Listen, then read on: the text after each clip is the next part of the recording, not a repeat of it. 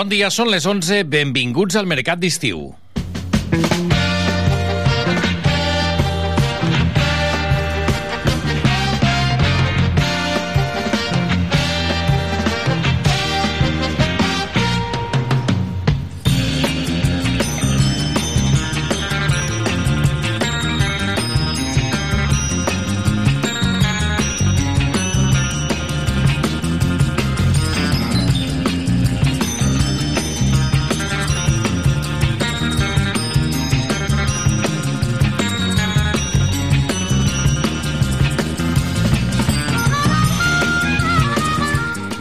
I calor i calor. És el que fa a l'exterior dels nostres estudis, almenys ara mateix amb 31 graus ja al vell mig de Tarragona, amb aquesta jornada de calor tòrrida ahir, aquest eh, dimarts, per tant avui dimecres, sembla que es repetirà. No arribarem a temperatures tan altes, almenys pel que expliquen des dels serveis meteorològics, no s'assoliran rècords, com sí que passava ahir, amb temperatures que fregaven els 40 graus i mig a la demarcació de Tarragona i amb rècord a Catalunya, amb 45,3 graus a Figueres, batent els rècords de temperat d'altes eh, temperatures, però el que deia, calor, també al vell mig de Tarragona. Per tant, aprofiteu, si podeu, aquests refugis climàtics i sobretot, sobretot hidrateu-vos bé i protegiu-vos eh, de la calor abans de sortir al carrer. Nosaltres intentarem oferir-vos continguts al mercat d'estiu que us ajuden a mitigar els efectes eh, de la calor, o almenys si porteu la companyia de la ràdio, doncs us ho agrairem també a través del 96.7 FM, tarragonaradio.cat, la TDT i les aplicacions mòbils. És el mercat eh, d'estiu. De seguida us explico quins són els continguts d'avui, amb Joan Andreu Pérez a la producció, Núria Cartanyà a la part tècnica, Joan Maria Bertran, amb les estudiants en pràctiques Judit Trilla i Martín Arenós, i qui us parla, el Miguel González. Fem sumari. Continguts fresquets del dia i entrevistes quilòmetre zero a Mercat d'Estiu, a Tarragona Ràdio.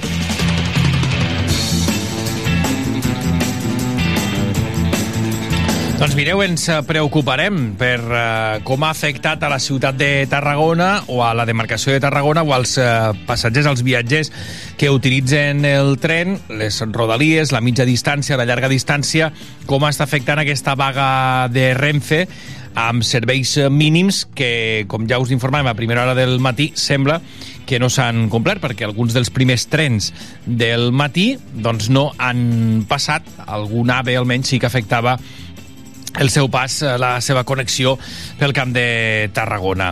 També ens ocuparem de qüestions culturals i és que aquest divendres arriba al Teatre Auditori del Camp de Mart el gran circ acròbata de la Xina a les 10 del vespre en el marc del festival Camp de Mart.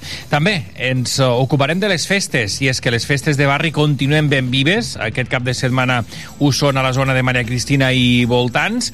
I també volem fer balanç d'una proposta de la Conselleria d'Igualtat, Polítiques eh, feministes i LGTBI+, que posava en marxa a principis del mes de juliol. Es tracta de l'espai dels espais Respir, un servei d'atenció i cangur que acull infants entre 3 i 12 anys entre les 10 i la 1 del migdia als centres cívics i també a la llar municipal de gent gran del centre.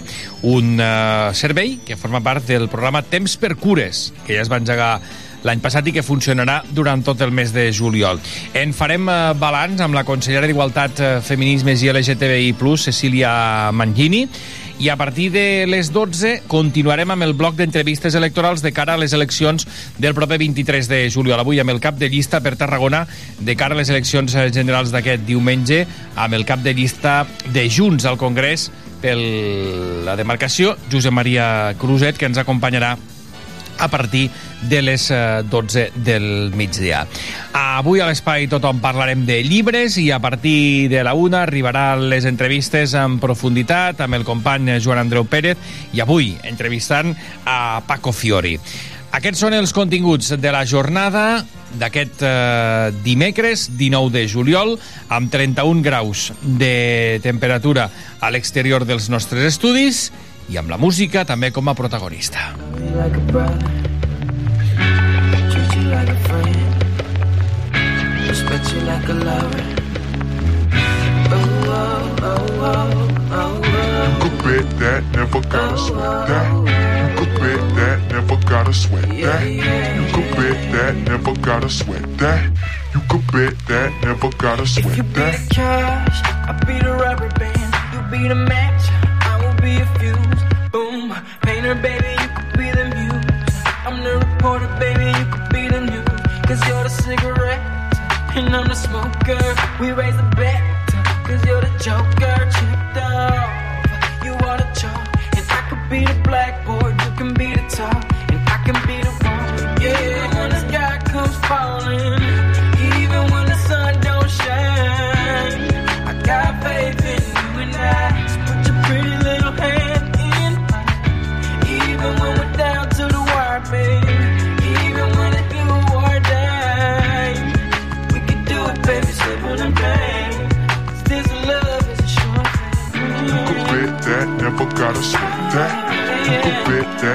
gotta sweat that.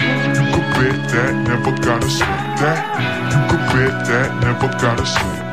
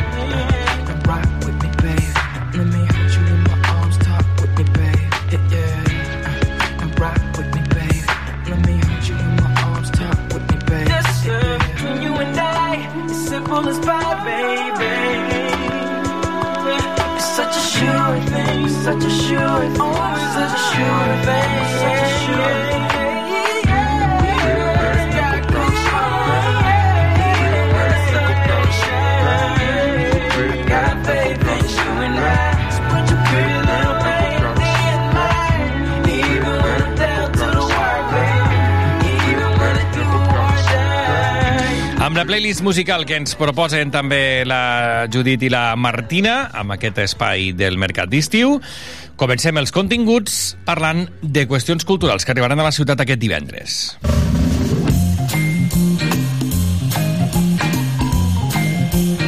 Al Teatre Auditori del Camp de Mart arribarà el gran circ acròbata de la Xina. I avui saludem a través del telèfon la seva road manager. Victoria Rojas, muy buenos días. Muy buenos días. Muchísimas gracias por atendernos. Llegáis a Tarragona este viernes al Teatro Auditori Camp de Mart, gran circo acróbata de la China, 10 de la noche, dentro del Festival Camp de, Camp de Mart. No sé si es la primera vez que estáis en Tarragona, Victoria. Pues hemos empezado esta nueva gira ahora en, en Zaragoza, la comenzamos el día 5 de julio, así que vaya a ser la tercera ciudad que visitemos, Dentro de muchas que vamos a poder visitar. ¿Qué tenemos que esperar o qué tiene que esperar el público? ¿Qué va a ver el público con estos números acrobáticos diferentes, eh, perfectamente conectados, perfectamente comunicados con una historia? Ah, cuéntanos un poquito la historia porque veo pues diferentes eh, elementos que, que- que me gustaría eh, que, me, que me explicaras. ¿Cómo, ¿Cómo se articula el espectáculo, Victoria? Pues mira, lo primero que podemos diferenciar dentro de todos los circos es que este circo va relatando una historia sobre el sueño de un niño que es el personaje principal y con él se va a ir desarrollando toda la aventura en esa pues casi dos horas de duración que tiene el espectáculo. Eh, vaya a ver, vaya a sorprenderos muchísimas veces. De hecho, el otro día me preguntaban, con los programas de televisión, pues de hostales, ¿no? Que vemos acrobacia, que vemos saltos, que vemos... ¿Aún así nos van a sorprender? Pues sí, aún así nos van a sorprender porque aunque tú lo hayas visto o aunque ver a treinta y tantas personas en un escenario tan coordinadas, tan preparadas con, con esos saltos, esa acrobacia, cómo se suben uno encima de otro, cómo los sombreros vuelan y, y dicen, madre mía, se me, se me caería nada más que de dos. Claro, y además muy diferente verlo por la tele a verlo en directo, ¿no? El directo Bueno, tiene claro. mucha más fuerza. Eh, además, en un paraje emblemático como es el Camp de Mart aquí en Tarragona, que además con.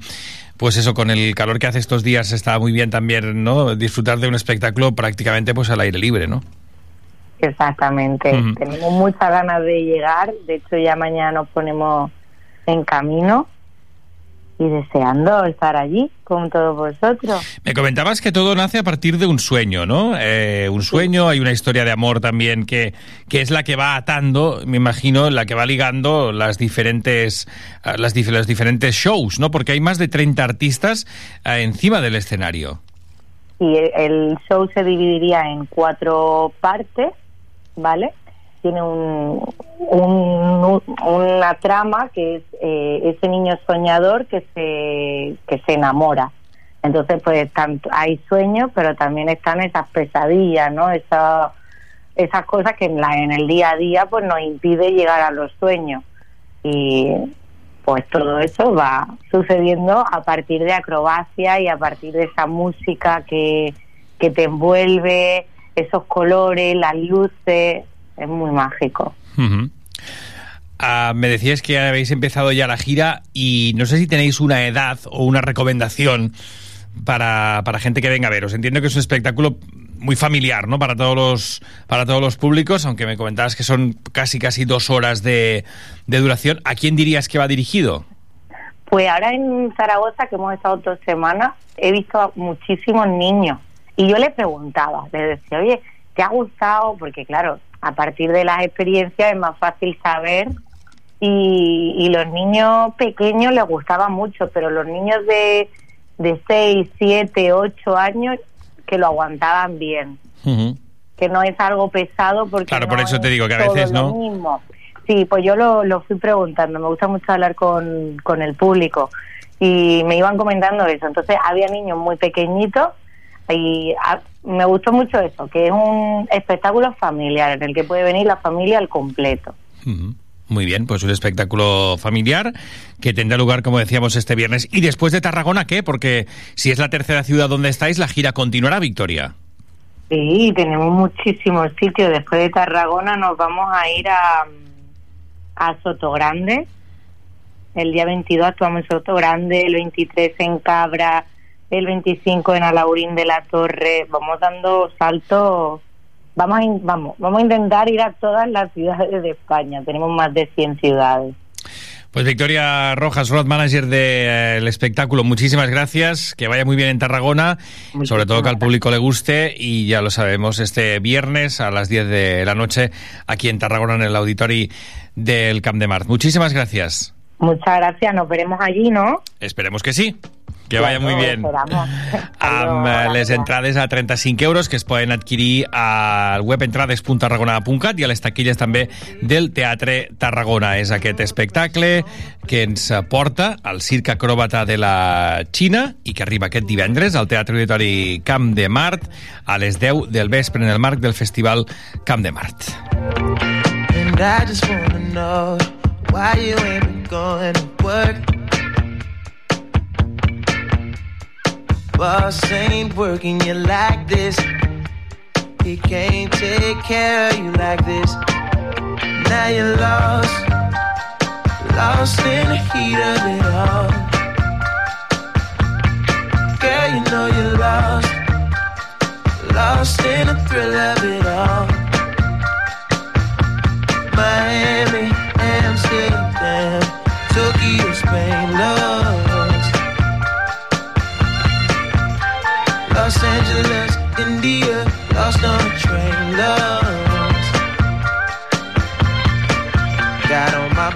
buttercream silk shirt and it's Versace. Hand me my triple A so I could wait to work. I got on you, girl. No, I don't really wish. I don't wish the titties for sure.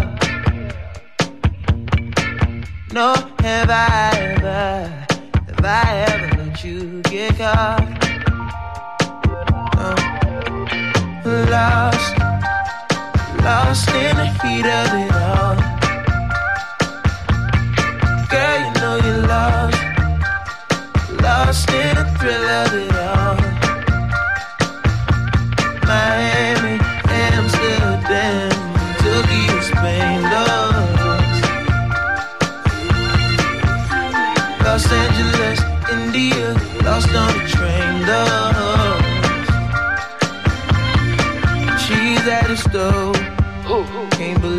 got her out here cooking dough. Cooking dough. I promise she'll be whipping meals up for a family of her own. Someday, nothing wrong, nothing wrong, no, nothing wrong with the life. Nothing wrong with another short plane ride through the sky. You and I are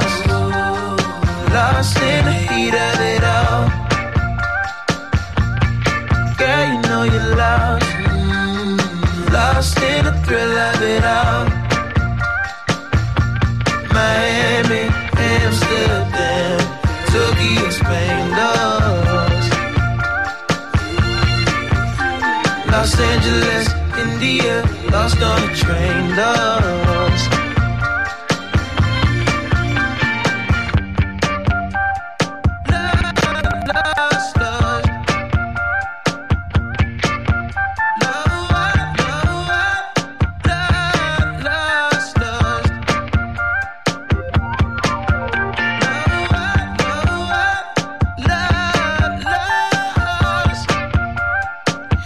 la música de Frank Ocean, que ens han escollit la Judit i la Martina, com dèiem, amb aquesta playlist. De fet, ara de seguida les saludem, perquè avui és dimecres 19 de juliol.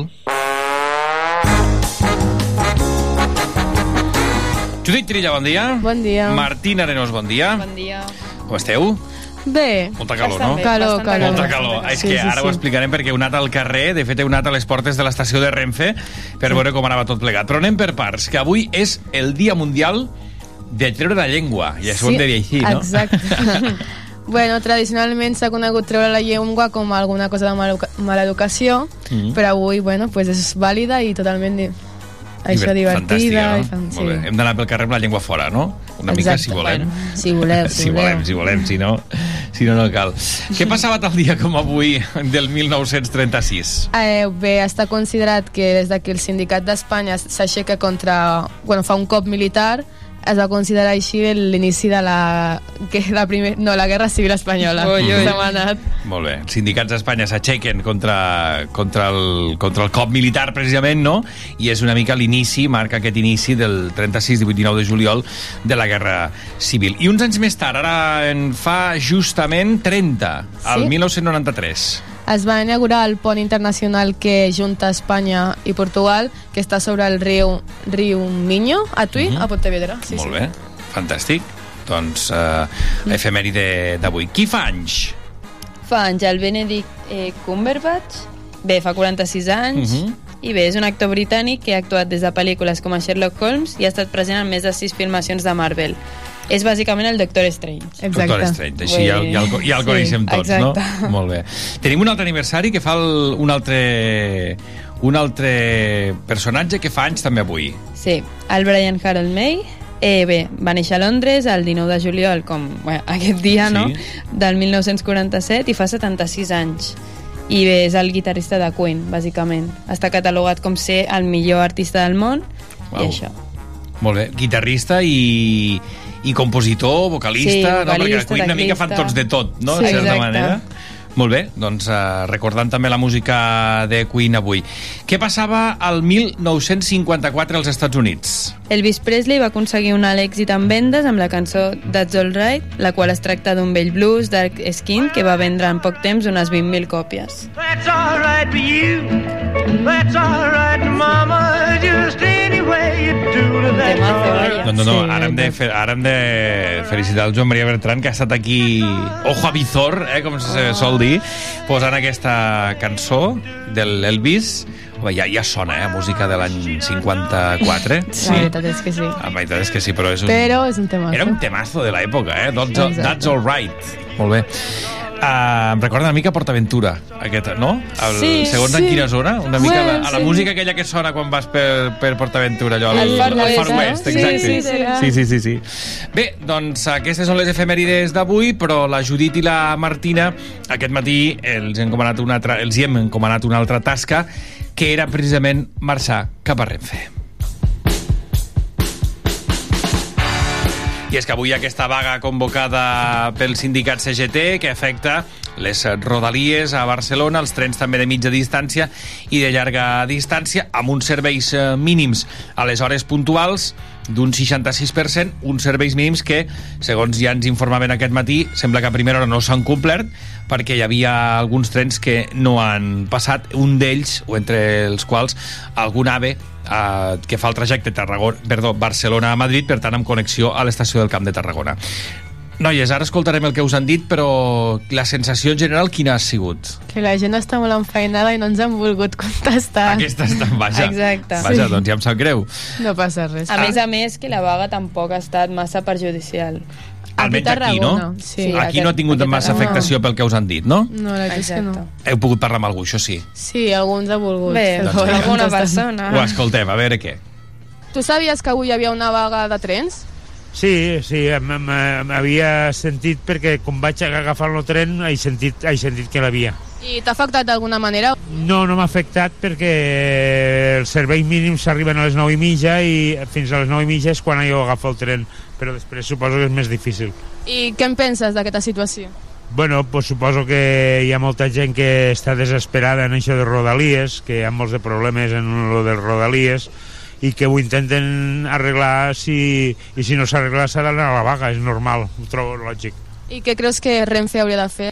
Eh, el que hauria de fer Renfe jo crec que és traspassar les rodalies a la comunitat eh, autònoma de Catalunya perquè d'esta manera suposo que se gestionaria molt millor. Hola, bon dia, com us dieu? Anabel. Ariadna. Eh, no sé si ho sabíeu, però avui ha hagut una vaga de, a la Renfe i bé, ha tingut repercussió en algun dels, en algun dels trens. Heu tingut algun problema? La veritat és que no. No, no hem tingut cap retard. Penseu que la Renfe està notificant bé als usuaris que hi ha vaga o a vosaltres no us havien notificat directament? No, no ens havien notificat res. No ho sabíem. I penseu que, bé, penseu que ho haurien de fer? Penseu que està ben organitzada la Renfe aquests dies? Jo crec que haurien d'avisar aquestes coses perquè s'ha de saber. Sí, no? Perquè si hi ha trens que s'han retrasat, per molt que el nostre no s'hagi retrasat, pues es podria haver retrasat. Hola, bon dia, com us dieu? Hola, Paula. Álvaro. Eh, sabíeu que avui hi ha, una, hi ha han convocat una vaga de trens? Sí, sí, ho sabíem. Sí. I què en penseu? Us ha afectat d'alguna manera? Us ha arribat tard el tren? No, vam mirar per la web els horaris i ja està, estaven actualitzats. I era puntual, sí, no, no, el tren ha arribat puntual. Què penseu d'aquesta situació? Creieu que Renfe hauria de fer una, alguna cosa, notificar a les persones? Notificar? Sí, que avisin de que hi ha vaga, perquè molta gent, per exemple, no sabia que avui hi havia vaga i han arribat tard els trens. Bueno, vaig veure a Twitter, no sé, jo crec que ja estava notificat, però... Pues que van ser... No, però molta gent no, no s'entera perquè potser no està al cas a les xarxes i tal, però què penseu de que d'aquest problema s'hauria de fer alguna cosa? Eh, uf, no ho sé, és que com que a mi no m'ha afectat, no sé dir-te. Sí, la cosa és que les vagues, si no afecten, no, no fan res. no, és que a mi no m'ha afectat. Doncs no, doncs no, sembla que no, que no li havia afectat gaire a aquesta noia, el, tot i que ho havia escoltat, ho havia consultat al Twitter i per tant doncs ja, ja ho sabia. Eh, bé, poca afectació pel que expliquen, ara això sí, amb més demanda d'informació eh, pel que explicaven aquestes persones que, que heu pogut entrevistar a les portes de l'estació de Renfe. Judit Martina, doncs eh, gràcies A tu, pel, que, a tu. pel que ens heu portat. Moltíssimes gràcies. Demà més. Demà més, Que demà vagi bé. més. Seguim amb música i de seguida parlem de festes al barri de Maria Cristina. Talk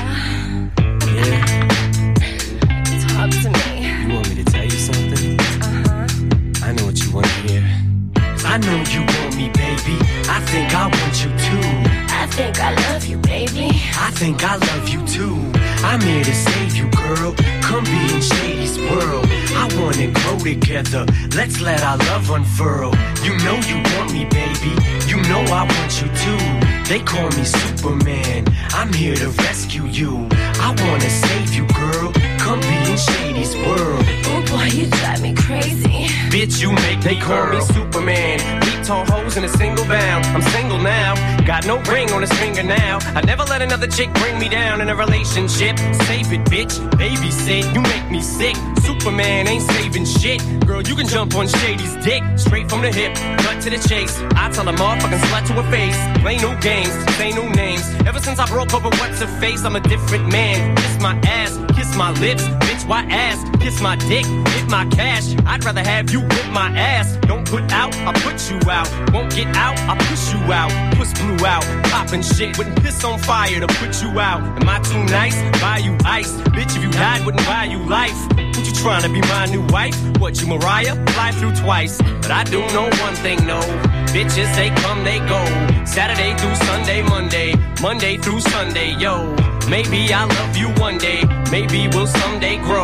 Till then, just sit your drunk ass on that fucking runway, ho. I can't be your Superman. Can't be your Superman. Can't be your Superman. Can't be your Superman. I can't be your Superman. Can't be your Superman. Can't be your Superman. Your Superman. Your Superman. Don't get me wrong. I love these hoes. It's no secret, everybody knows. Yeah, we fuck, so what? That's about as far as your buddy goes. We'll be friends, I call you again. I chase you around every bar you attend. Never know what kind of car I'll be in. We'll see how much you'll be partying in. You don't want that, neither do I. I don't wanna flip when I see you with guys. Too much pride between you and I. Not a jealous man, but females lie. But I guess that's just what sluts do. How could it ever be just us two? I never loved you enough to trust you. We just met and I just fucked you. But I do know one thing, no. Bitches, they come, they go. Saturday through Sunday, Monday. Monday through Sunday, yo. Maybe I'll love you one day. Maybe we'll someday grow. Till then, just sit your drunk ass on that fucking runway, ho. I know you want me, baby. I think I want you too. I think I love you, baby. I think I love you too.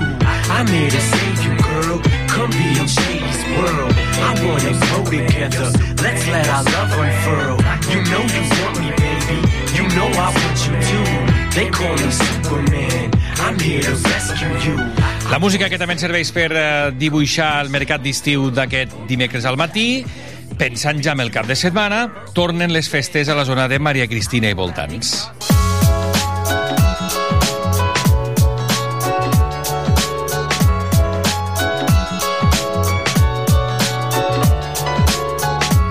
I sobretot agrair a aquelles persones que hi són al capdavant i que les fan possibles, que les preparen i que se n'ocupen i que se'n preocupen. Un dels exemples és la Mari Carme Soler. Mari Carme, molt bon dia. Molt bon dia a Moltíssimes gràcies. Presidenta dels Moltes veïns del barri de Maria Cristina i voltants. Com sempre diem, Maria Cristina, aquell trosset de l'Avinguda Catalunya, cronista CC, López Peláez, I- sí, i Hernández hem acabat. que no ens n'oblidem, que és a tota aquesta, tota aquesta zona, déu nhi Mari Carme, com arribem enguany a les festes? Me'n comentaves ara fora de micròfon que ha estat un any una mica complicat. Sí, ha sigut un any bastant complicat.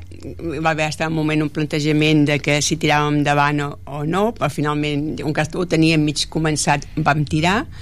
El, el que passa que em van la, veure, estem al davant ja, ja comencem a tindre una edat. Eh, llavors relleu de moment no en trobem i, i a part després el veïnat pues, cada vegada ens, hi col·labora, ens col·labora menys. Jo suposo perquè clar, els de tota la vida per desgràcia pues, ja no hi van sent. I els que van venint pues, no se senten integrats o no sabem com integrals o no, no, no s'hi considera no? I, i clar, i estem fent un plantejament que po- podria ser que, que com, a, com a festes clàssiques amb aquest format podria ser que fugés, sigui, siguessin els últims. Llavors, per pel proper any, doncs, depèn de com, de com anés, doncs, potser aniríem fent durant l'any activitats diferents i llavors per suplir una cosa per l'altra. És a dir, que un canvi de plantejament, Sí. si no hi ha un relleu generacional, Exacte. es planteja un canvi de plantejament fins i tot en les pròpies festes. Eh? és a dir, Exacte, que, sí. que pot ser mm, anar-ho espaiant més durant l'any i no dedicar-hi un cap de setmana, com, és, com és el cas. Llavors, vull dir, amb innovacions... És clar, nosaltres volem gent jove, perquè ells tenen més idees, tenen innovacions, estaven més... Estem molt oberts a fer, a fer canvis, el que sigui. El que passa que la gent no, no s'implica. Ja. Eh, crec que és un tema endèmic eh, de tots els barris, és a dir, que en principi no, no afectaria més la vostra zona, però vaja, que això no és excusa, vull dir que, que és una situació, una realitat que és la que esteu vivint eh, vosaltres en aquest cas. Mari Carme, el que sí que heu pogut fer és tirar endavant les festes d'enguany. Les d'enguany, de moment, a tranques i a barranques, com es diu vulgarment, les tirarem endavant. Quan, quan comenceu? Això és aquest mateix Aquest dijous, divendres, no? el divendres, aquest divendres, divendres 21. El, el dia 21, sí, com és, eh, tipus habitual, tindrem un, un cercavila a les 6 de la tarda per donar un tomet pel barri, jocs per la canalla, perquè vull dir, és el que eh, és, és, és el que és el planter que hauria de tirar endavant, no? I llavors l'acte com de costum, que és a les 9, que és a, la salutació de les festes, i i de, el, el ball parlat de la reina Maria Cristina i l'entrega del, del guardó Josep Maria Salvador i Urpí Molt bé. que enguany Enguany amb qui recau? en, oh, i enguany en, en, amb una persona que també el coneixeu vosaltres, el Josep Maria Ll- Llor i Porqueres, I tant. un veí de tota la vida del barri, molt estimat i, i molt entregat, i llavors ell també s'ha dedicat últimament a fer molta divulgació de que és Tarragona Home, i, i col·laborador d'aquesta casa també en els últims temps, I vull eh? dir, en és una persona mesos. molt entranyable i vull dir, est, est, estem encantats amb ell i, i un any hem pensat doncs, bueno, li donem a Josep Maria perquè també s'ho mereix i bueno, doncs, li donarem a ell perquè és un veí excepcional del barri Molt bé. Cercavila, Jocs per la Canalla, Ball Parlat i el Premi mica, una miqueta, sí, exactament, i pues una miqueta hi ha un grup de, de l'Espai Sant Fructuós que fa música i es vindrà a fer una miqueta de música per als jovens Molt bé. Per tant, una miqueta de festa de rebetlla divendres Sí. al vespre i ja passaríem a dissabte. Sí, el dissabte tindrem una, pel allà al barri una gincama familiar, o sigui, que han de buscar unes coses per, eh, entre pares i crius, després hi ha també un, una miqueta unes manualitats, un tallaret de, de pintura que es marx, eh, si la fan marxant amb un quadret cap a casa vull dir, aquelles petites coses per, per anar fent Clar que sí. Eh, llavors en, hi ha una, també hi haurà una miqueta de zumba de l'Esports Gym que es farà una mica de zumba Tenim, enguany han tornat els embrassats que faran, un, fan el vermut al migdia Mhm. com altres anys Molt bé. a la tarda tenim aquest acte també també és molt estranyava per nosaltres que fa la farmàcia central que és posar una banda als nadons que han nascut al barri Molt bé. N'hi ha molts o no enguany? Que algun any m'havies dit que Ah, no, tro- costava trobar-ne, eh? Sí, enguany m'han comentat que n'hi ha entre 5 o 6. Ah, mira, doncs escolta, ja encara això és- sí que l'any passat més n'hi havia 3. Això és cantera nova, eh? Exacte, exacte, sí, nova. però bueno. Llavors tenim el cercavila de una miqueta de gegants, que són els de tallar propis del barri, i bueno, venen els espions, o sigui, cinc o cinc, quatre, quatre o cinc, cinc mm, grups de, de gegants que, que donarem el tomb pel barri, i, a la, i, hi haurà també després una miqueta de country, i a les 11 doncs, una mica de rebella. Fantàstic. O sigui, a veure, anem intentant anar fent unes petites cosetes per, per tirar endavant, eh? El diumenge és, és que a més amb aquesta calor i el fet hi ha els matinades que sempre fan els, els, els grellers del tecler Mhm. llavors Això ja diumenge, eh, Mari Carme? diumenge, sí. Llavors també hi haurà una miqueta de, de 10 i mitja, 12 i mitja allà sota els porxos, perquè si no és que fa una calor... Clar, aquests dies- I, i enguany tampoc es pot fer res de, amb aigua No, i quantes no, no, coses. no, no. Per això dic... Ni escuma, ni Exacte. festes d'aigua, res. Per això, uns jocs per, de tot el, aquests jocs de tota la vida, Molt per bé. nens i pares, que si es vulguin apuntar. I tant. Llavors tindrem el, el concurs de truites com venim fent cada any, que la, els veïns que s'hi volen col·laborar i porten una truita, i enguany no fem dinar perquè, vull dir, ah, és que, ah, és que al nostre barri, lloc que hi hagi ombra, No hi ha. mm, no en tenim. No. Llavors, al migdia fa molta calor, és molt pesat i, i això s'ha tret perquè... Sembla que el cap de setmana no serà tan elevada com avui o com aquests dies, però sí que continuaran les altes temperatures. Dir, ens Exacte. podem, provar, ens podem trobar Sí. fàcilment amb 30 graus a Per les dues això- del migdia. I això no és plan, di- dius, No. tens, tens un parc, dius, bueno, ho fas dins del parc, però és que nosaltres és, és, és terra, no, Sí, sí, sí, no sí. és possible. I a la tarda? A la tarda, a, la, a les 7, el que farem és un mic, sempre fem alguna cosa dedicat, diguem a la gent més gran, de, en principi, a tothom, però vull dir si, no sé si tindrem algun avi de 90 anys perquè em semblava ser que un guany no, no en teníem cap d'apuntar però bueno, eh, potser al moment sortirà algú oh? i després ve la coral àncora a fer una miqueta d'actuació i tindrem el Penilent al nostre barri Què vols dir? el, el, el Josep Maria Sí, el Josep Maria Llor. sí, sí, vindrà a fer com el programa que fèiem vosaltres Ah, mira. el, el, el farà allà L'heu fitxat, eh, per acabar les fitxat, festes. Molt bé, molt bé. Bueno, ell parlarà del barri i llavors venen dos veïns també del barri, és el, el doctor Fontanet i l'Antoni Rebull i bueno, per fer, entre tots tres fan una mica de col·loqui el que és el barri Molt bé. eh? No, no, està molt bé saber també d'on venim, eh? I la història del Exacte, barri, la història de la sí, zona. sí, i enguany t- tornem a tindre el Vall Parlat que tancaran les festes Fem repetició del Vall Parlat, doncs, sí, eh? enguany sí Molt bé. i llavors ja dic, és que um, es fa gràcia això del Josep Maria del Penediment perquè enguany ell sempre fa algun escrit pel programa i enguany es va dedicar a, a mirar els comerços que havíem tingut al carrer Maria Cristina des de l'any mm 50 fins allà Clar, o sigui, i, i imagino que malauradament molts ja no hi Ui, són. no, Marica. llavors el canvi i les coses i vull dir que, que té, té per fer els altres dos carrers o sigui, si seguim no li haurem de Mira, fer fer exacte, cada any ja pot ser una, un tradicional de les festes, no? Exacte. Anar, anar, anar, anar per diferents sí, carrers. i llavors fa gràcia per recordar doncs aquí hi havia això, Molt això hi bé. havia allò, l'altre i bueno, aquí, així són, són molt senzilletes, soc sincera Senzilles, però no en falta cap acte dels, dels anys anteriors. No. Vull dir que hi ha actes per la canalla, actes per la Sí, gent gran, hi ha sí. vermut, Sí. hi ha els actes més tradicionals amb el, amb el, amb el Vall Parlat, per exemple, Sí, que és sí. també un, un dels tradicionals. I, i, I continueu notant els darrers anys, sobretot després de la pandèmia, Mari Carme, que hi ha gent que torna al barri una mica a viure les festes o, o costa? L'any passat vam trobar que faltava gent. Esperem que enguany mm, hi hagi més, més animació i Esperem més que sí. gent. Perquè vull dir, a part d'això, també hem de reconèixer que la pandèmia també s'ha notat. Ha tocat, A eh? mol- Ha, ha tocat en molts aspectes, no?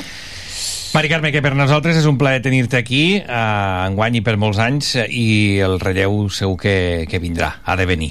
Eh, Vaja, Ha de venir. Ens, a, a veure, els que, so, els que som del barri ens, sa, ens sap greu tindre de, de deixar les coses no deixar, Sí, sí, no, no, no, no. no és deixar vull dir, que no es puguin anar fent les, els actes i, i la convivència que és el que, el que volem oh? però vull dir, hi ha moments que també s'ha de fer un pensament i, tir, i tirar endavant com sigui d'una altra manera En qualsevol cas, agrair la feina feta i tots aquests anys que porteu organitzant aquestes festes. Mari Carme Soler, presidenta de l'Associació de Vins Maria Cristina i Voltants, moltíssimes gràcies, molt bona festa i molt bon cap de setmana. moltíssimes gràcies a vosaltres Que vagi bé. Mercat d'estiu. Tarragona Ràdio. La Fundació PortAventura celebrarà el 20 de juliol al PortAventura Convention Center el tradicional sopar solidari. Particulars, empreses i organitzacions benèfiques gaudiran d'un sopar ple de sorpreses i espectacles per una bona causa, sota el lema Somriures que curen. La recaptació es destinarà a impulsar els projectes pel benestar infantil dels hospitals Joan 23 de Tarragona, Sant Joan de Reus i el projecte PortAventura Dreams de la Fundació PortAventura. Apunta't ja a fundacionportaventura.org. Saps què és Ematsa Online? És la manera més fàcil, còmoda i eficient de gestionar el teu subministrament d'aigua. Fes el salt online per tenir un control total sobre el teu servei. Consulta les teves factures i fes tots els tràmits quan vulguis. Rep avisos de les incidències del servei per SMS i si tens telemesura, pots consultar el teu consum i personalitzar alarmes per controlar-lo. Un servei totalment gratuït al teu abast. Registra't a www.ematsa.cat Ematsa Online, el teu servei d'aigua més a prop que mai. Fans de Tarragona amb Sílvia Garcia de 6 a 7 de la tarda de dilluns a divendres una hora per la música de casa. Fans de Tarragona a Tarragona Ràdio Cocodril Club. Si t'agrada la bona música dels anys 60, 70 i 80, escolta Tarragona Ràdio les tardes de dissabtes i les de diumenges de 4 a 6. És el temps del Cocodril Club. Tot un clàssic de la ràdio, amb les bases del pop-rock, les llegendes, les cançons que s'han convertit en autèntics himnes. Recorda't, a Tarragona Ràdio 96.7 FM... Cocodril Club, el programa revival de l'Albert Malla. Hasta luego, cocodrilo. No pasaste de caimán. Hasta luego, cocodrilo. A Tarragona Ràdio som 40.000 oients. Anunciat a la ràdio local líder en l'actualitat, entreteniment i informació tarragonina. Contacta amb nosaltres al 977 24 53 64 de 9 a 2 al migdia o escriu-nos a publicitat arroba emmct.cat perquè a Tarragona Ràdio t'escoltem. Tarragona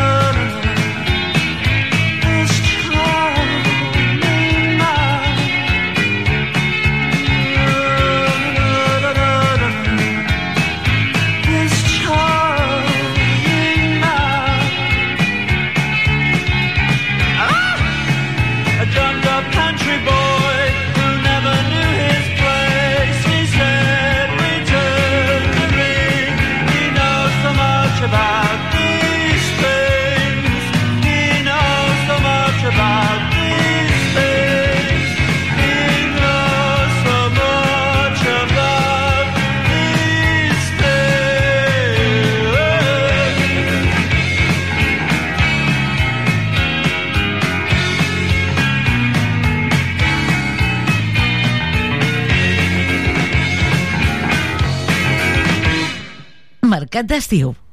Tarragona Ràdio.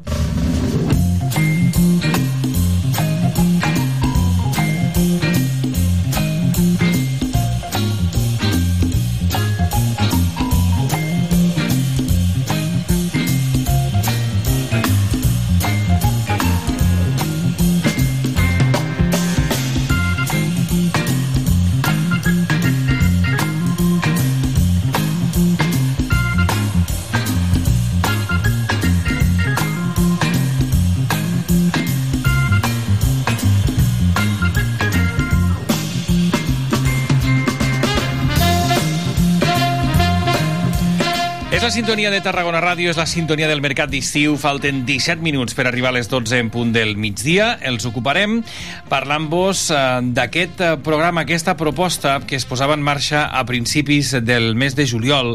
Aquests espais Respir, un servei d'atenció i cangur i que forma part, entre altres qüestions, del programa Temps per Cures, engegat ja l'any passat. Avui en volem parlar, és un servei, com dèiem, de, que penja de la Conselleria d'Igualtat, Polítiques eh, Feministes i LGTBI+. Saludem, d'una banda, a la consellera d'Igualtat, Feminismes i LGTBI+, eh, Cecilia Mangini. Cecilia, muy buenos días, Hola, bon dia. buenos días. Moltíssimes Miguel. gràcies per acompanyar-nos. I també la tècnica del servei Temps per Cures, la Lucía Fernández. Lucía, bon dia. Hola, bon dia, què tal? Moltíssimes gràcies també per acompanyar-nos. Uh, Consellera, és un programa important, és un servei eh, important, l'heu presentat, el presentàveu a principis de juliol. Com ha anat? Quin balanç en feu 20 dies després gairebé de la, de la seva presentació, de la seva posada en marxa, vaya? Sí. Bueno, antes quería saludar también a todos los oyentes de, de la radio y mm, bueno, muy buenos días a todos, buenas tardes en pocos minutos. Y bueno, sí, es un programa que ha tenido mucha aceptación, mucho éxito en, por parte de, la ciudadanía, porque creemos que viene a cubrir una necesidad muy importante, que es ju- justamente eh, lo relacionado en las curas, con los cuidados eh, familiares, es, eh, está dirigido a la, a la dona, a la mujer y a las familias que son quienes tienen, eh, en este caso, a su cargo el cuidado de, de niños, niños y niñas entre 3 y 12 años. Está dirigido entonces a familias con niños y niñas entre 3 y 12 años, también para niños y niñas con necesidades especiales, con alguna diversidad funcional, que también son el público a quien se adresa este, este programa. Sobretot suposo que s'ha intentat te- tenir cura de la persona que té cura, no? És a dir, valga la redundància, és a dir, a vegades potser ens n'oblidem, o, o la persona o la pròpia persona se n'oblida, no? De tenir, de, de, tenir cura d'ella mateixa dic d'ella El- mateixa perquè normalment sí que és cert que encara doncs, està molt, eh, molt, molt sectoritzat en qüestió de gènere, no? Sol ser la dona qui eh, acaba tenint, tenint cura de, dels infants o de les persones amb diversitats especials, etc etc. no? Exactamente. Bueno, sí, eh, es el fundamento de este programa es cuidar al que, al que cuida, es la cura del que cura, como bien has dicho, que muchas veces eh, las tiene grandes dificultades para conciliar, especialmente las mujeres, pero bueno, la familia en general, ¿no? Y tiene varios varios aspectos. Varios, este, programa Temper Cura tiene mm, varios ejes. Uno es el canguraje, que se trata sobre todo de aquellos cuidados eh, puntuales en actos, en esdeveniments, en, en eventos que se hagan en la ciudad, sobre todo en tiempos de fiestas. Ahora Lucía ya, ya te contará lo Sí, que, lo ahora que estamos preparando, pero bueno, es, es, es muy importante mm, si la familia quiere eh, gaudir, disfrutar en, en algún momento del evento, que tenga este servicio que cuidan con, con cariño y, con, y, y gente muy especializada a los niños y niñas mientras se disfruta de- del evento o se participa en, en alguna charla, en alguna conferencia como ocurrirá en Santa Tecla, eh, con, con la terraceta. Y bueno, ese es el, ese es el, el canguraje, que es uno de los ejes del programa. que és el que s'ha presentat o el que s'ha posat en marxa aquest, uh, aquest mes de juliol, no? A principis no, de... No, el, el- aquest- mes de juliol es el Ah, Spy Respire. Spy Respire, Es el disculpi, sí, sí, sí, sí, sí, El, certament. el canguraje es para hechos D'acord, puntuales. per, per fets puntuals. Claro, Val, el, val. el Spy Respire que comenzó el 3 de julio, como bien has dicho, y será hasta el 31 de, de juliol, Ujú. se, se lleva a cabo en los centros cívicos de la ciudad, con lo cual también es un, un- un funcionamiento transversal del programa, y en la Llar de Jubilat del Centre, y es un espacio, eh, obviamente, para conciliar vida personal, vida familiar. Eh, se desarrolla de 10 de la mañana a, a 1 de la tarde y hay espacio aproximadamente para 20, 20 niños y, tiene, y está a cargo de un monitor de, de lleure y también de una de- un, un educador en caso que venga algún niño que lo solicita el servicio, una familia con un niño con alguna necesidad especial para atender. Esto ha tenido gran éxito, eh, imagínate en todos los centros cívicos de la ciudad, en, también en el centro, en el equipamiento de la Yard de Jubilat, el, el funcionamiento es a demanda, o sea que hemos detectado las necesidades también de la ciudadanía eh, demandando el survey de una manera ágil, por teléfono, es a través creo que Lucía de un WhatsApp incluso se puede apuntar 48 horas antes para tenerlo previsto. Y bueno, tenemos datos de, de- de cómo ha sido usado. El 70% de los usuarios han, han, demandado, eh, han demandado el survey para, para atender a- a temas de conciliación laboral un 20% ha, ha usado los servicios para temas de, de recados o de horas de médico. Y hay un 10% que es para ocio, para disfrutar también, que dejar los niños en, en- en lugares acondicionados y con personas que los cuidan para que las madres o padres puedan tener algunas horas para respirar.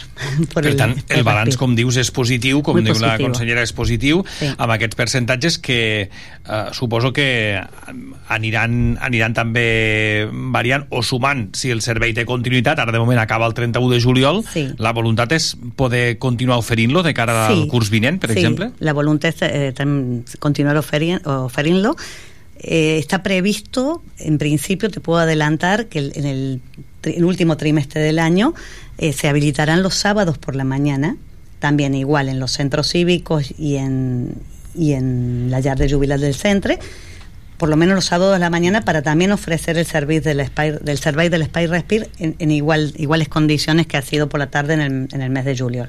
Por ahora está previsto. Està molt bé el que diu la consellera Lucía a nivell de que és gent qualificada que tant, tant els espais aquests més puntuals de canguratge, com comentava, com amb l'espai Respir, vull dir, perquè evidentment que tothom qui deixa la seva criatura, el seu infant, vol tenir unes garanties no? de que estarà ben atès, de que estarà ben cuidat, etc etc. Vull dir que això està, és importantíssim remarcar-ho, destacar-ho, i a més així és. Sí, sí, sí, sí, així és i, i bueno, també eh, formem part de, bueno, eh, del, del, del temps d'estiu, que són Mhm. les activitats bueno, del Patronat des, Municipal d'Esports, Sí. que bueno, nosaltres doncs, financiem eh, l'hora d'acollida, que és de 8 a 9, Uh -huh. i també el personal d'atenció a la diversitat en estades esportives. Molt bé, és a dir, Per- aquest seria un altre, un altre pilar del temps per Ah, cures, exacte, no? sí. Diguéssim que serien aquests, el canguratge, el- l'espai respir i el temps per... El temps d'estiu I ens el temps falta el donat I falta vida. un. I falta un. El donat vida. Doncs explica'm el donat vida. Doncs el Donat Vida doncs, és un servei d'acollida i canguratge més, ulla, més enllà de l'horari lectiu Mhm. que es realitzarà en cinc escoles d'aquí de, de Tarragona que són l'Escola Saavedra, el Marcelí Domingo, Sant Salvador, Joan 23 de Bonavista i Escola Camp Clar. Llavors hi ha dos, centre, dos centres que tenen hora d'acollida matinal que els hi proporcionarem des del projecte Temps per Cures i la resta tenen acollida per la tarda de 5 i mitja fins les 8 per això després hem habilitats els espais respir per dissabte pel matí així ho puguin complementar les famílies no? i tenir aquesta durant tota la setmana tot, tot Tot cobert, eh? Això, Exacte. això és el que passarà, entenc, a partir de setembre, quan Sí. començarà el nou curs escolar. És a dir, que el tem, aquest eh, programa, el Donat Vida, s'implementarà als centres que has comentat, amb Mhm. aquests cinc centres, i a banda, aquest temps respir, el cap de, és a dir, dissabte, no? que és el Ah, que ara sí. s'ha fet aquesta prova al mes de juliol, que són les dades que ens donava la, sí, espai la, respir la consellera. exacte, per dissabtes, períodos vacacionals Setmana Santa, juliol, el Nadal bé. etcétera. Es, es importante también, Miguel, des- destacar que es gratuito el servicio. Sí. Es un servicio gratuito, es una política pública de corresponsabilidad, es decir, que el, que el, el municipio, que el ayuntamiento se compromete también con las familias para proporcionarle una ayuda al momento de los cuidados de niños y niñas. Entenc que és una de les línies mestres de la, de la conselleria, no? Eh, senyora Sí. Mangini, aquesta corresponsabilitat pública pel que fa a les cures, a la conciliació, a la consideració dels drets de les cures també amb el temps, però segur que també amb, amb molts altres drets i amb molts altres programes dels quals ja n'anirem parlant eh, en, en un futur i que aniran penjant també d'aquesta conselleria d'igualtat, polítiques eh, feministes i LGTBI+, que evidentment doncs, vostè lidera des, de, des del passat 17 de juny. Exactamente, sí, muy contenta, sobre todo por el Un equipo. mes, el- vista, un ¿no? mes, un un mes, mes. un mes y un día, o dos días. Un mes y dos días, sí. Eh, sí, y sobre todo destacar, por supuesto, el trabajo del personal técnico, que es eh, maravilloso, comprometido, constante. Bueno, es un equipo realmente que, que da gusto dirigir de alguna manera. S'ha fet bona feina a la ciutat, consellera, pel que fa a la igualtat, a les polítiques feministes, a la qüestió de l'LGTBI+, Sí. eh, i, i, i, de fet, quina serà una mica la línia que, que prendrà aquesta Sí, conselleria? yo, els propers yo digo que, que se ha hecho buena feina y será mejor feina todavía, mejor feina. Eh, bueno, te- hemos tenido recientemente el Festival TETA también de, de políticas de igualdad, que es un festival dirigido a la, a la dona y al, y al colectivo también LGTBI. Hay, hay diferentes líneas también de, de trabajo, eh, desde el mismo plan de igualdad del ayuntamiento que renovaremos para aplicar a toda la, la administración de, de, mm, pública municipal.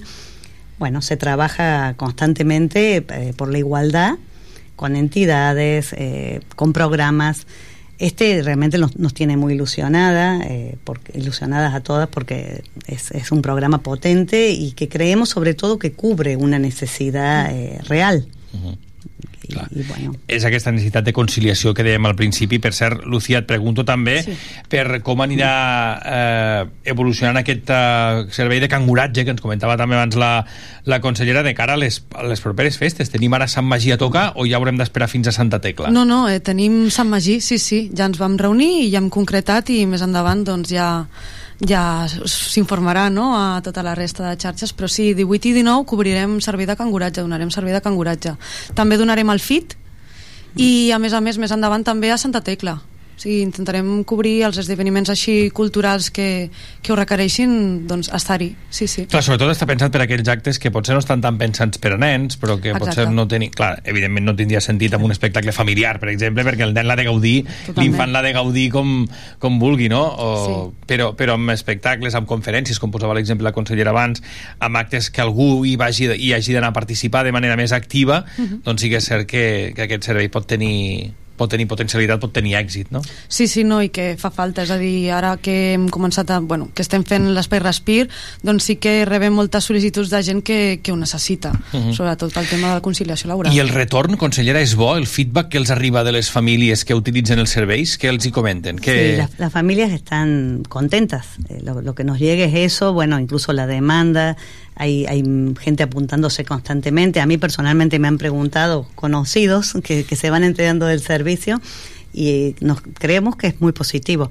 Justamente lo del canguraje que, hablaba Lucía, lo que comentaba Lucía, es eh, está claro que es para fomentar la participación, es decir, que nadie se quede en casa porque es un evento eh, dirigido a personas adultas, digamos, pero que, que los niños en ese, en ese momento no pueden disfrutar, que tengan cómo ir, cómo acudir, cómo participar, habiendo quien, quien los cuide.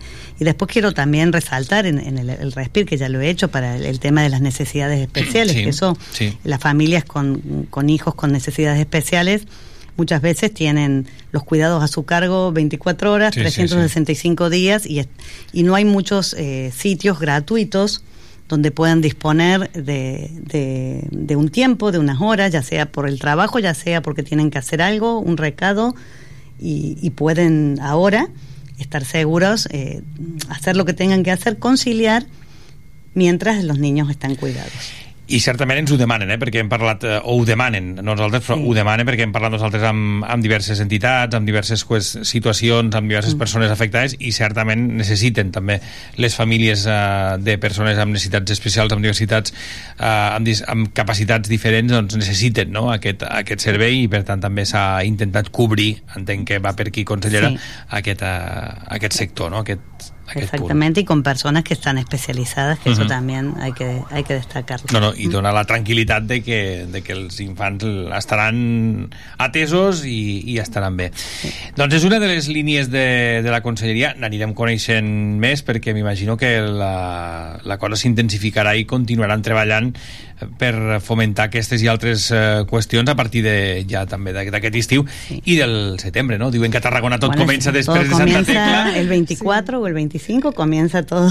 Sí, no, no, per això, de per això, clar, per això que aquí a Tarragona ja ho tenim, això, el calendari Sí, sí, sí. comença després Santa Tecla, però vos, vosaltres ja us heu avançat, perquè si a Sant Magí ja hi sereu també amb aquest programa, i a Santa Tecla també, Sí, doncs sí, ja, sí, sí. ja ho tenim, ja ho tenim cobert. Aunque bueno, no se puede parar en el verano No, y no, clar, estamos clar. eh, con todas estas cosas y Mm. siguiendo adelante. Molt bé, doncs uh, Cecilia Mangini i Lucía Fernández, crec que no ens hem deixat res, ho hem comentat Me tot. parece que no. No? Sí, sí, tot. doncs moltíssimes gràcies, consellera, Lucía Fernández també per acompanyar-nos, i serà fins la propera, n'anirem parlant. Moltíssimes gràcies. Muchísimas gracias a ti y a toda la radio. Molt bon Gracias. dia. Muy buen Gràcies. Ràdio.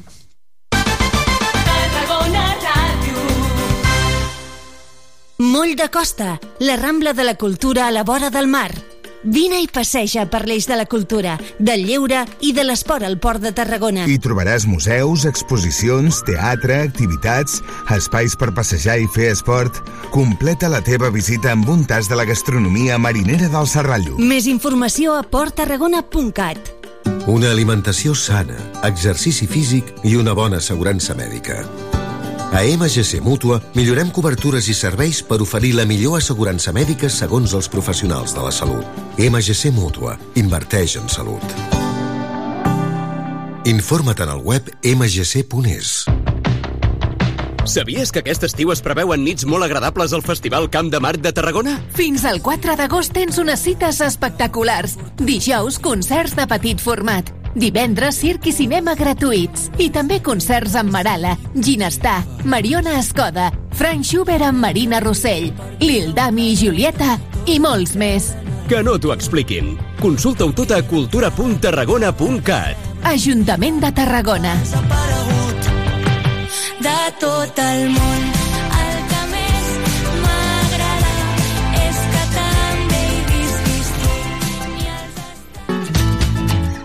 Fans de Tarragona amb Sílvia Garcia de 6 a 7 de la tarda de dilluns a divendres una hora per la música de casa Fans de Tarragona a Tarragona Ràdio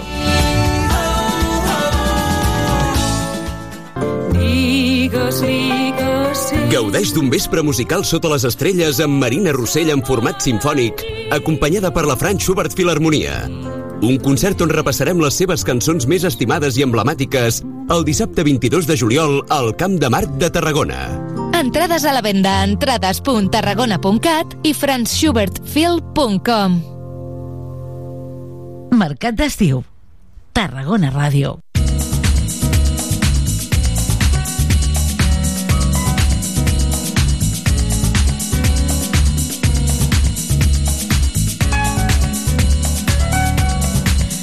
I al Mercat d'Estiu a la sintonia de Tarragona Ràdio aquesta setmana estem dedicant aquest eh, temps del programa, aquest temps de ràdio a fer també les entrevistes amb aquest bloc polític de cara a les eleccions generals d'aquest 23 de juliol, d'aquest eh, diumenge.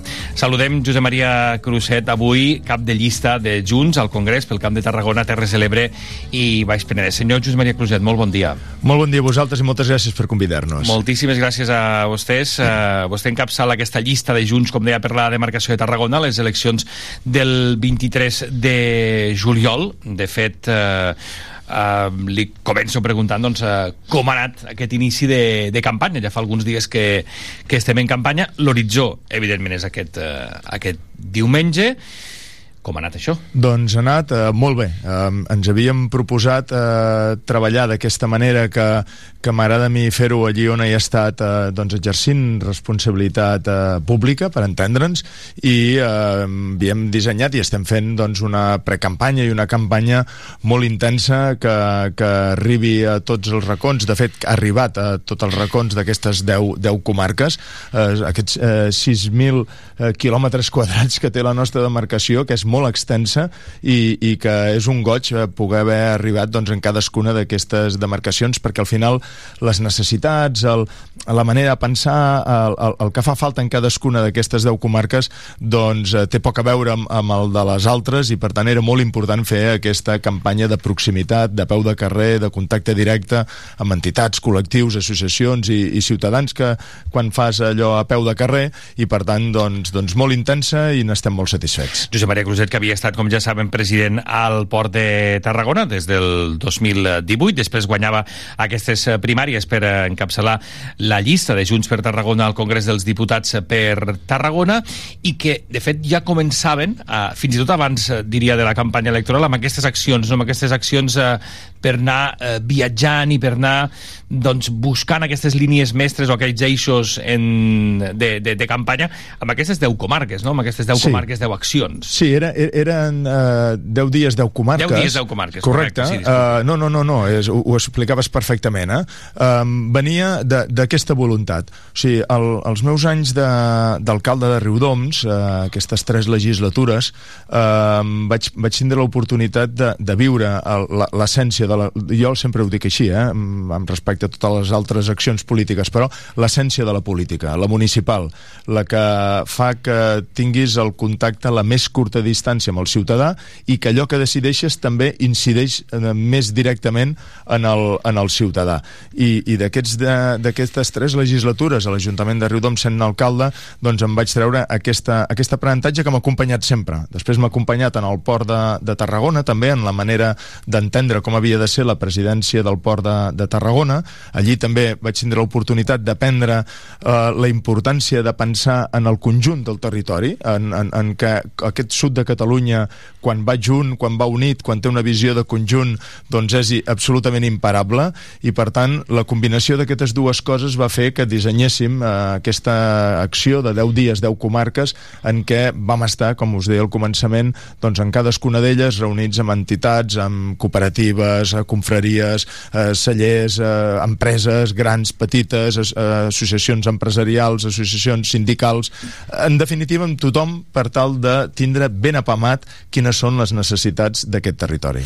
Les necessitats del, del territori, sens dubte, seran algunes de les prioritats que es marquen pel que fa a la defensa d'interessos a nivell tarragoní. Després parlarem de projectes de ciutat, però quines diria que són precisament les línies que, que el seu partit eh, ha, ha, ha centrat la, la, la campanya? Bé, nosaltres hem, hem explicat molt durant aquesta campanya que el vot a Junts per Catalunya és un vot que val, que val per 3 i ho expliquem així perquè eh, la nostra manera d'entendre aquestes eleccions del 23 de juliol és que té tres eh, plans sobreposats eh, i tots ells eh, són eh, importants i compatibles entre ells. Eh, tindríem el que és el, el, el, aquest, el vot val per 3, el, el vot de defensa del territori. Allò que fa falta, com deia ara, en cadascuna d'aquestes comarques, d'infraestructures, de, de sectors econòmics que ho estan passant malament, etc etc etc i després, si, si cal, hi podem aprofundir més. Sí, després- després, després hi ha el que és la defensa de, del país, eh, que fa referència a, a tota, per exemple, aquest incompliment continuat d'execució pressupostària dels pressupostos generals de l'Estat any rere any, que porta a un im- empobriment de, de, de, de la nostra economia i, en definitiva, per tant, també en conseqüència dels nostres ciutadans i, de, i dels serveis que s'obtenen en, el nostre, en el nostre país. I en el tercer pla és el que n'hi diem, eh, per això del vot de cabal per 3, el, el, el vot a favor de, de la democràcia que vol dir tot allò que els ciutadans d'aquest país van viure en els últims, en l'última dècada d'aquest procés d'autodeterminació, de decidir democràticament que volem ser un país eh, independent, un país lliure, i que per tant doncs, eh, aquest procés, aquest camí ha de continuar perquè és aquesta la voluntat de, de, dels ciutadans o del sentir majoritari dels ciutadans d'aquest país. Per això hi ha aquests tres, aquests tres nivells i per tant hi hem estat treballant durant la campanya plantejant propostes concretes i solucions concretes en cadascun d'aquests tres nivells. Li aniré preguntant per aquestes diferents propostes. Vostè mencionava ja algunes de les propostes ara que reivindicaran en aquesta propera legislatura. Una d'elles, per exemple, són les mercaderies per l'interior. Quina ha de ser l'aposta eh, ferroviària pel que fa a eliminar els trens de mercaderies perilloses per la costa? Aquesta és una qüestió absolutament clau eh, per tots els ciutadans del Camp de Tarragona, d'acord? Eh, algú pretén fer entendre que això només importa als ciutadans de Tarragona ciutat eh, o als de les ciutats de costa des de Tarragona fins al Vendrell. I això, a dia d'avui, és una necessitat eh, urgent i important per tots els ciutadans del Camp de Tarragona. Eh, I m'explico. El, el corredor del Mediterrani, que és el que mourà eh, en els pròxims aviat, perquè ja s'està avançant la finalització del tercer, del tercer fil, mourà les mercaderies no de Tarragona, no del port de Tarragona o del complex petroquímic de Tarragona, no, no, les de Tarragona, però també les de Castelló, les de València, les de Múrcia, tot el sistema productiu del litoral mediterrani, quan es vulgui connectar amb Europa, pujarà per ferrocarril des d'aquests territoris fins a Europa. I, per tant, faran cap totes en el que és, eh, per entendre-ho gràficament, la estació de tren de Tarragona Ciutat. Per allí haurà de passar totes. I aquesta és una qüestió que, que me'n vaig fer un tip ja com a president del Port de Tarragona de reclamar-ho al Ministeri i, i, i ho fem ara actualment com a Junts per Catalunya, eh, com ho fan doncs, tantes entitats del territori al voltant de la plataforma de les mercaderies per l'interior, que cal resoldre. Primer, cal resoldre-la perquè el, el sistema ferroviari no ho aguantarà. En la mateix tram de via no hi podran passar les composicions de rodalies, de ferrocarril per, per, per moure persones, amb la de les mercaderies. I per tant això cal posar-hi posar, solució. Algú podria dir, bueno, segueixen un tema de Tarragona. No, perquè econòmicament ens afecta tots. Però és que, a més a més, eh, quan vam aconseguir convèncer el Ministeri de que s'havia de fer un estudi d'alternatives de com s'han de treure les mercaderies de la costa i posar-les eh, cap a l'interior, que és el que té sentit comú, resulta que el Ministeri fa propostes eh, tan inversemblants com que les mercaderies les hem de pujar fins a Picamoixons, passar-les per l'interior de Valls i després enviar-les direcció a Barcelona aprofitant la línia que, ferroviària que ve des de Lleida. Per tant, és evident que aquest territori no vol treure les mercaderies de Tarragona ciutat i posar-les dintre de la ciutat de Valls, com tampoc ho vol eh, amb una altra de les alternatives que ha plantejat, que és posar-les dins de la ciutat de Reus, o la tercera, que és posar-les en la línia Reus-Roda, la, la famosa línia Reus-Roda, com si aquesta línia no passés per dintre de Roda, d'acord? Per tant, la solució de les mercaderies és fàcil i evident. Ha de ser un traçat paral·lel al de l'AVE, el tren d'alta velocitat, que no trepitja cap trama urbana i que permet garantir no només el desenvolupament futur de tot aquest litoral mediterrani amb què totes les mercaderies podran passar sense que hi hagi cap coll de botella, sinó que d'aquesta manera podran passar les mercaderies lluny dels ciutadans i els ciutadans tindrem a la línia de costa una línia que podrà ser digna. I parlo de dignitat perquè el servei de rodalies que tenim a dia d'avui és absolutament impropi d'un país eh, que vol ser eh, modern, com diu l'estat espanyol. Precisament avui hi ha vaga a Rodalies de Renfe amb afectacions ja que, que afecten des de primera hora eh, no, fins i tot també doncs, a, a alguns punts de, de, la, de la demarcació perquè no només ha estat a Rodalies sinó a Rodalies mitja distància, llarga distància hi ha, hi ha reivindicacions, hi ha eh, queixes, vindicacions de, del, dels propis sindicats és, també de la companyia. És, és, és que és un, sistema, és un sistema, el de Rodalies, absolutament eh, tercermundista, deixem-ho deixem dir així. Si ensenyéssim aquestes fotos que veiem eh, que els joves pengen a les xarxes on van llançats pel terra dels vagons per poder anar eh, de Barcelona cap a les nostres terres o en sentit, en sentit invers, i ho ensenyéssim sense posar més informació del context, eh, ens vindria al cap que està, són fotos de països en desenvolupament no un país com se suposa que ha de ser l'estat espanyol. I aquesta realitat no és casualitat. O sigui, això no passa perquè sigui casualitat, allò de dir, no, és que el sistema no deu poder ser millor.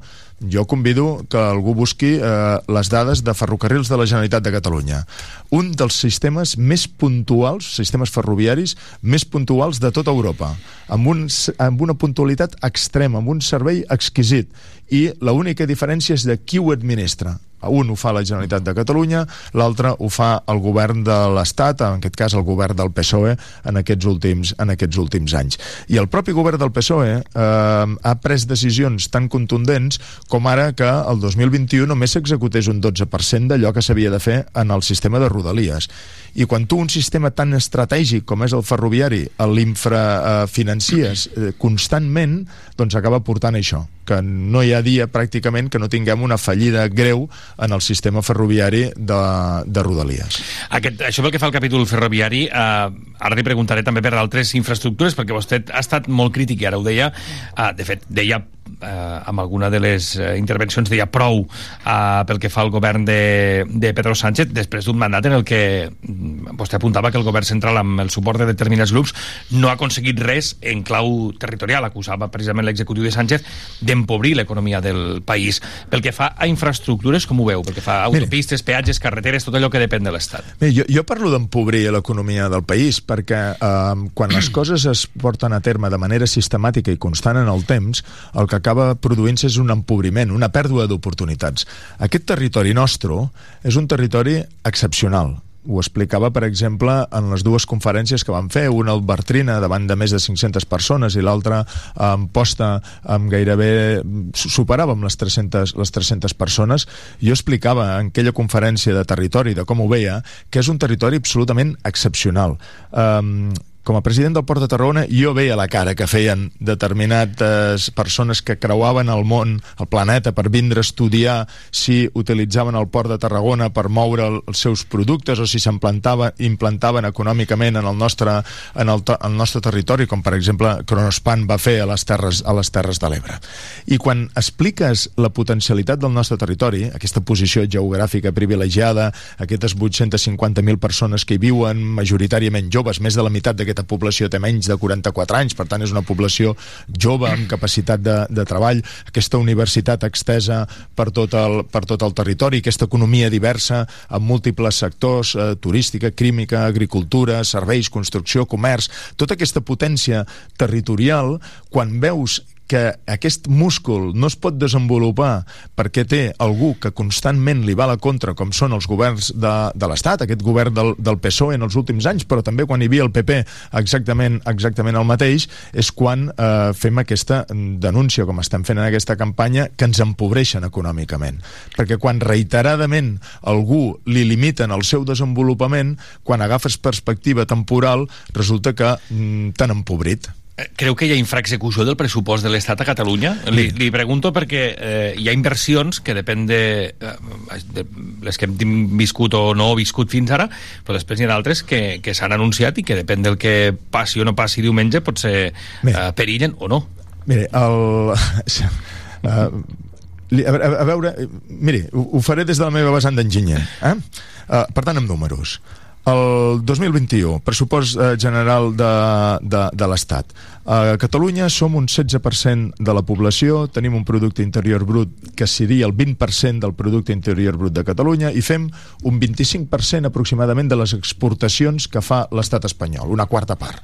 Per tant, seria lògic que l'estat espanyol, el seu pressupost a Catalunya, respongués amb alguna d'aquestes xifres. En el pitjor dels casos, el 16%, que és la població que tenim, en el cas més optimista, doncs un 25% perquè és aquest múscul econòmic d'exportacions que, que, que tenim, no? El 2021, el pressupost eh, general de l'Estat a Catalunya va ser del 9%. No del 16%, que seria la més petita, del 9%. Però és que, a més a més, quan es va executar, resulta que es va executar només un 30%, una tercera part d'allò que ja era molt petit. I, per tant, eh, hi ha un incompliment clar i sistemàtic de les obligacions de l'Estat en el nostre territori. I algú podria preguntar, home, potser és que va ser un any dolent el 21 perquè era post-Covid.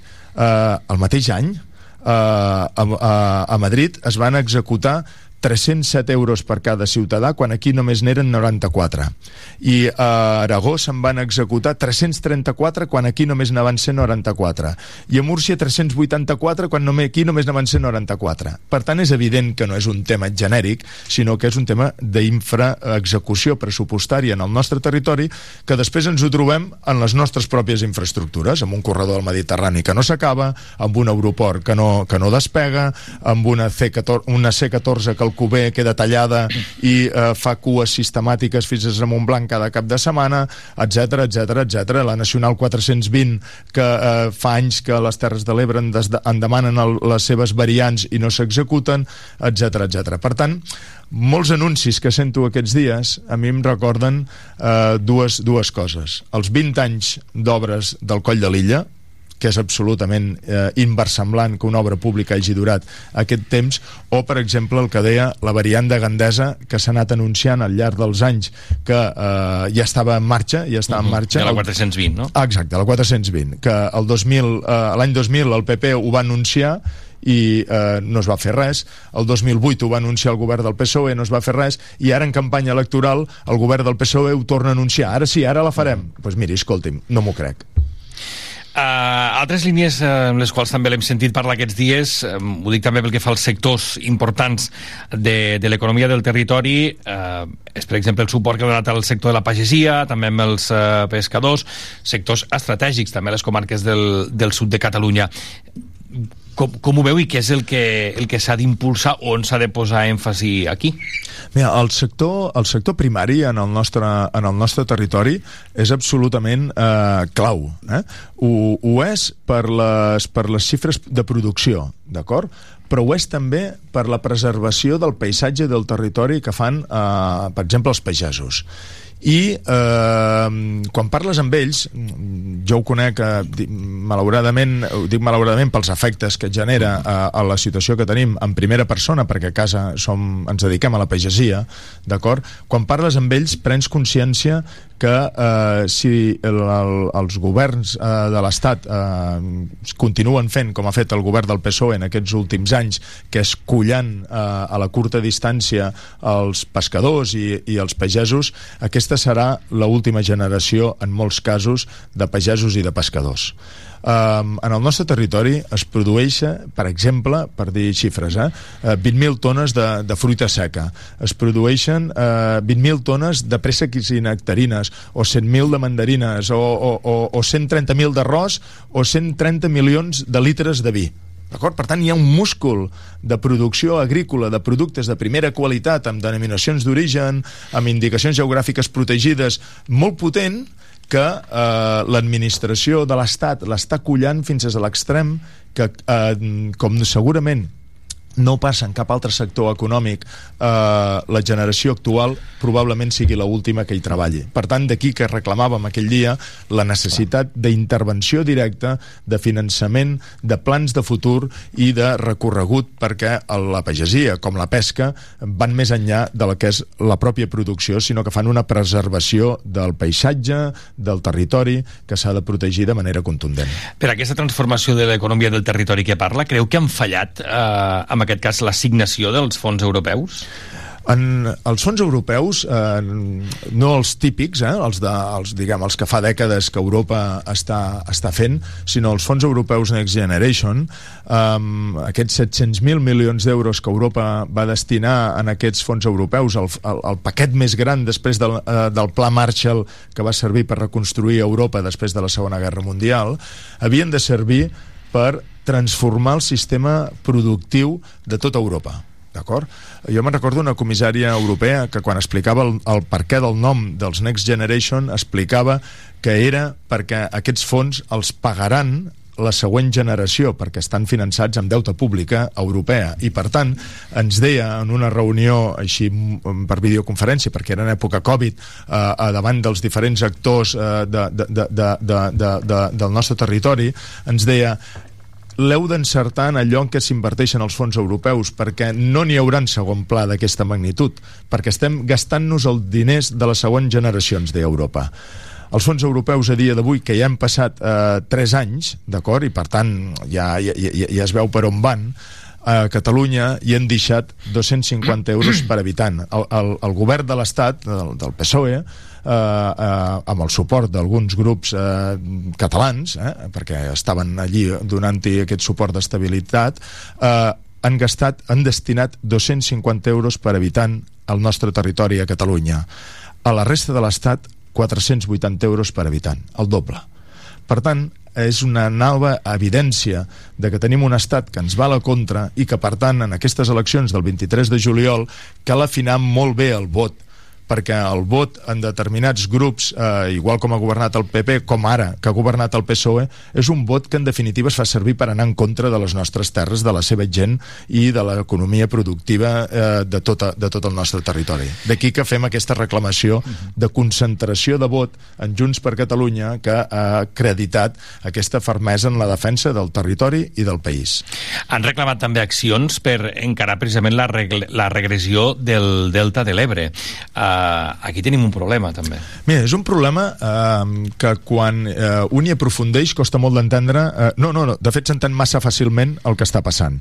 Um, jo alguna vegada amb algú que em deia però és que explica-m'ho ho entengui fàcil uh, jo sempre poso el mateix exemple ara imaginem-nos que quan obrim l'aixeta de la cuina Uh, per, per rentar-nos uh, les mans o rentar els plats haguéssim d'aixecar el telèfon, tocar el, el veí del tercer pis i dir-li, escolti'm, mira, sóc el del primer, que em pot obrir l'aixeta de dalt perquè vull rentar els plats? I el, de, I el del tercer pis digués, mira, avui no em ve de gust, o avui prefereixo destinar l'aigua a la meva rentadora. Mm -hmm. Això és el que passa a l'Ebre. L'aixeta del riu Ebre no és on ha de ser, que és a la desembocadura, allí on hi ha el delta, sinó que és a la capçalera que és el govern de l'Estat que ha cedit a les grans hidroelèctriques el control dels embassaments i que, per tant, des de la capçalera prefereixen gastar l'aigua per produir electricitat i maximitzar beneficis de manera espectacular aquest any, guanyant milers de milions d'euros amb beneficis les elèctriques, en lloc que sigui la capçalera qui controla el cabal de l'Ebre. I si no controles el cabal de l'Ebre, vol dir que no t'arriben els sediments que han d'arribar, vol dir que la collita d'arròs pot entrar en perill, com enguany ha estat en perill durant moltes setmanes, que no se sabia si es perdria, i si a més a més això es produeix de manera reiterada en el temps, la morfologia, la, la forma física del delta de l'Ebre cada vegada és més feble, i d'aquí que també estiguem reclamant en les nostres propostes que en el delta de l'Ebre cal fer-hi cirurgia major. I en política, cirurgia major vol dir agafar partides pressupostàries quantioses i assignar-les al Delta de l'Ebre perquè pugui protegir la seva morfologia i que no ens trobem que d'aquí 100 anys el Delta sigui només unes línies en la història. I poso només un petit exemple. Des del cap de Tortosa, fa 100 anys enrere, s'arribava físicament en el far que delimitava el límit del delta de l'Ebre. D'acord? S'hi arribava amb, amb, amb camió de l'època a portar-hi el combustible perquè aquell far funcionés. A dia d'avui, per anar en el mateix punt per eh, fer el manteniment del far que està situat en el mateix punt, fan falta més de 20 minuts de navegació amb, amb barca. Per entendre com només amb 100 anys quina ha sigut la regressió que s'ha produït en el delta en el delta de l'Ebre. Per tant, aquesta és una actuació que hem reivindicat i que en aquests quatre anys eh, en farem molta bandera i molta pressió perquè s'executi ja de manera contundent i ja n'hi ha prou de paraules i fan falta fets en el delta de l'Ebre. Estem entrevistant a la sintonia de Tarragona Ràdio Josep Maria Cruzet, cap de llista de Junts eh, a, de cara a les eleccions del proper 23 de juliol. Senyor Cruzet, el seu partit ha reivindicat també la candidatura com la que plantarà cara a, a Madrid. Eh, li pregunto també perquè doncs, com veu la, la pujada de, de, de l'extrema dreta i, i, i el que pugui sorgir de les eleccions que passi que, que, que vindran diumenge. Miri, uh, a dia d'avui uh, Vox... És a dir, què suposaria per Tarragona, Sí, sí. per Tarragona per Catalunya uh, un executiu, per exemple, de PP i, i Vox? A dia d'avui, Vox té 50 diputats al Congrés dels Diputats. I les enquestes no els hi donen això. D'acord? Per tant, alguns fan servir l'espantall de que eh, ve l'extrema dreta per eh, tal d'intentar, eh, sota una pell d'ovella, eh, enganyar el ciutadà prete enganyar tampoc ho voldria dir així, eh? però pretendre crear un miratge al ciutadà de que com que ve l'extrema dreta, millor votar el PSOE eh, que, que l'aturarà. Quan es tracta de defensar el nostre territori, quan es tracta de defensar el nostre país, això només es defensa des d'aquí des dels que som aquí, no des dels que són aquí com a sucursal dels que són a Madrid. I per tant, per això diem clarament i amb tota contundència aquests dies que el vot a Junts per Catalunya és l'únic vot per garantir la defensa dels diferents escenaris que es puguin produir. Si hi ha un govern de PP en solitari, nosaltres ens hi trobaran de cara en la defensa del territori del país. Si a més a més hi ha Vox en aquest eh, govern, encara ens hi trobaran amb més contundència. Fixin-se, jo apel·lo als, a, a, les evidències. Uh, aquesta setmana un mitjà de comunicació del territori publicava uh, les uh, preguntes que feia Vox als diferents candidats. Junts per Catalunya era l'únic que no contestava. Els de més tots van contestar la pregunta de Vox, blanquejant i donant joc ja a l'extrema dreta. Per tant, des de lo més petit a lo més contundent, nosaltres hi serem defensant aquest, a, aquest territori. I si hi ha un govern del PSOE, eh, que és un altre possible escenari que l'aritmètica pogués portar amb aquest govern de, de Pedro Sánchez, tots hem vist que en aquests últims quatre anys eh, donar-li estabilitat, aprovar-li any rere any els pressupostos a canvi de res, doncs també ha sigut un molt mal negoci pel nostre territori, no ha donat cap eh, resultat i per tant és una mala, una mala estratègia. Com deia el meu avi, el, el primer dia que t'enganyen és culpa dels altres. El segon dia és culpa teva perquè t'hi has deixat. I aprovar quatre anys els pressupostos generals de l'Estat a canvi de res, doncs és evident que és això. Per tant, Junts per Catalunya, això no ens passarà. Eh, tenim molt clar quines són les nostres prioritats i, per tant, eh, som la millor proposta per concentrar aquest vot el 23 de juliol per, sigui quin sigui l'escenari electoral, fer la millor defensa i el millor desenvolupament del nostre territori i el nostre país. I pel que fa al referèndum de- d'autodeterminació, eh, seria una condició necessària per facilitar una investidura de Pedro Sánchez, per exemple? Miri, el, quan, quan, el, quan algú necessita uh, del suport d'un tercer, en l'àmbit que sigui, eh? mm, en l'àmbit que sigui, en la política, però en el, en el dia a dia, um, qui necessita aquest suport um, és qui fa l'oferta. I, per tant, qui ha de fer l'oferta, eh, si necessita el suport de Junts per Catalunya, és eh, Pedro Sánchez. I Pedro Sánchez sap perfectament què és el que planteja Junts per Catalunya. En el nostre eh, fund, diguem, ADN fundacional hi ha el concepte d'amnistia perquè és veritat, eh, hi ha hagut un indult eh, els presos polítics més destacats eh, de les formacions polítiques, però hi ha 4.000 persones que estan en un procés judicialitzat fruit del de, eh, procés democràtic del 2017. I tenim ciutadans a l'exili, el molt honorable president Carles Puigdemont. I, per tant, nosaltres plantegem que cal parlar d'amnistia i que cal parlar del dret a l'autodeterminació que tenen els ciutadans d'aquest país com la de la resta dels països de la, de, de, del món. I, per tant, eh, evidentment, aquests tres plans que jo explicava al començament, si Pedro Sánchez vol eh, eh, parlar del nostre suport, en parlarem amb els tres plans. Necessitats de territori, necessitats de país i també, evidentment, necessitats de, de democràcia, que vol dir amnistia i autodeterminació. Senyor Cruzet, quin capteniment té eh, de cara a diumenge pel que fa als resultats? Què n'esperen? Jo n'espero una participació eh, important de la gent. Uh, alguns de manera uh, diguem comprensible perquè entenc perfectament que hi hagi una part de la ciutadania que estigui disgustada en el, a on som el 2023 respecte a on volíem ser en aquells mesos del 2017 i per tant que hi hagi un cert, un cert disgust um, predicaven o anunciaven una possible abstenció uh, activa Um, D'altres ho predicaven i ho anunciaven de manera uh, intencionada perquè els hi anava molt bé una abstenció eh, important en l'independentisme bàsicament perquè eh, poder anunciar el 23 a la nit que l'independentisme, eh, que la gent que s'estima aquest territori i aquest país ha renunciat als seus principis i a, i a les seves eh, il·lusions.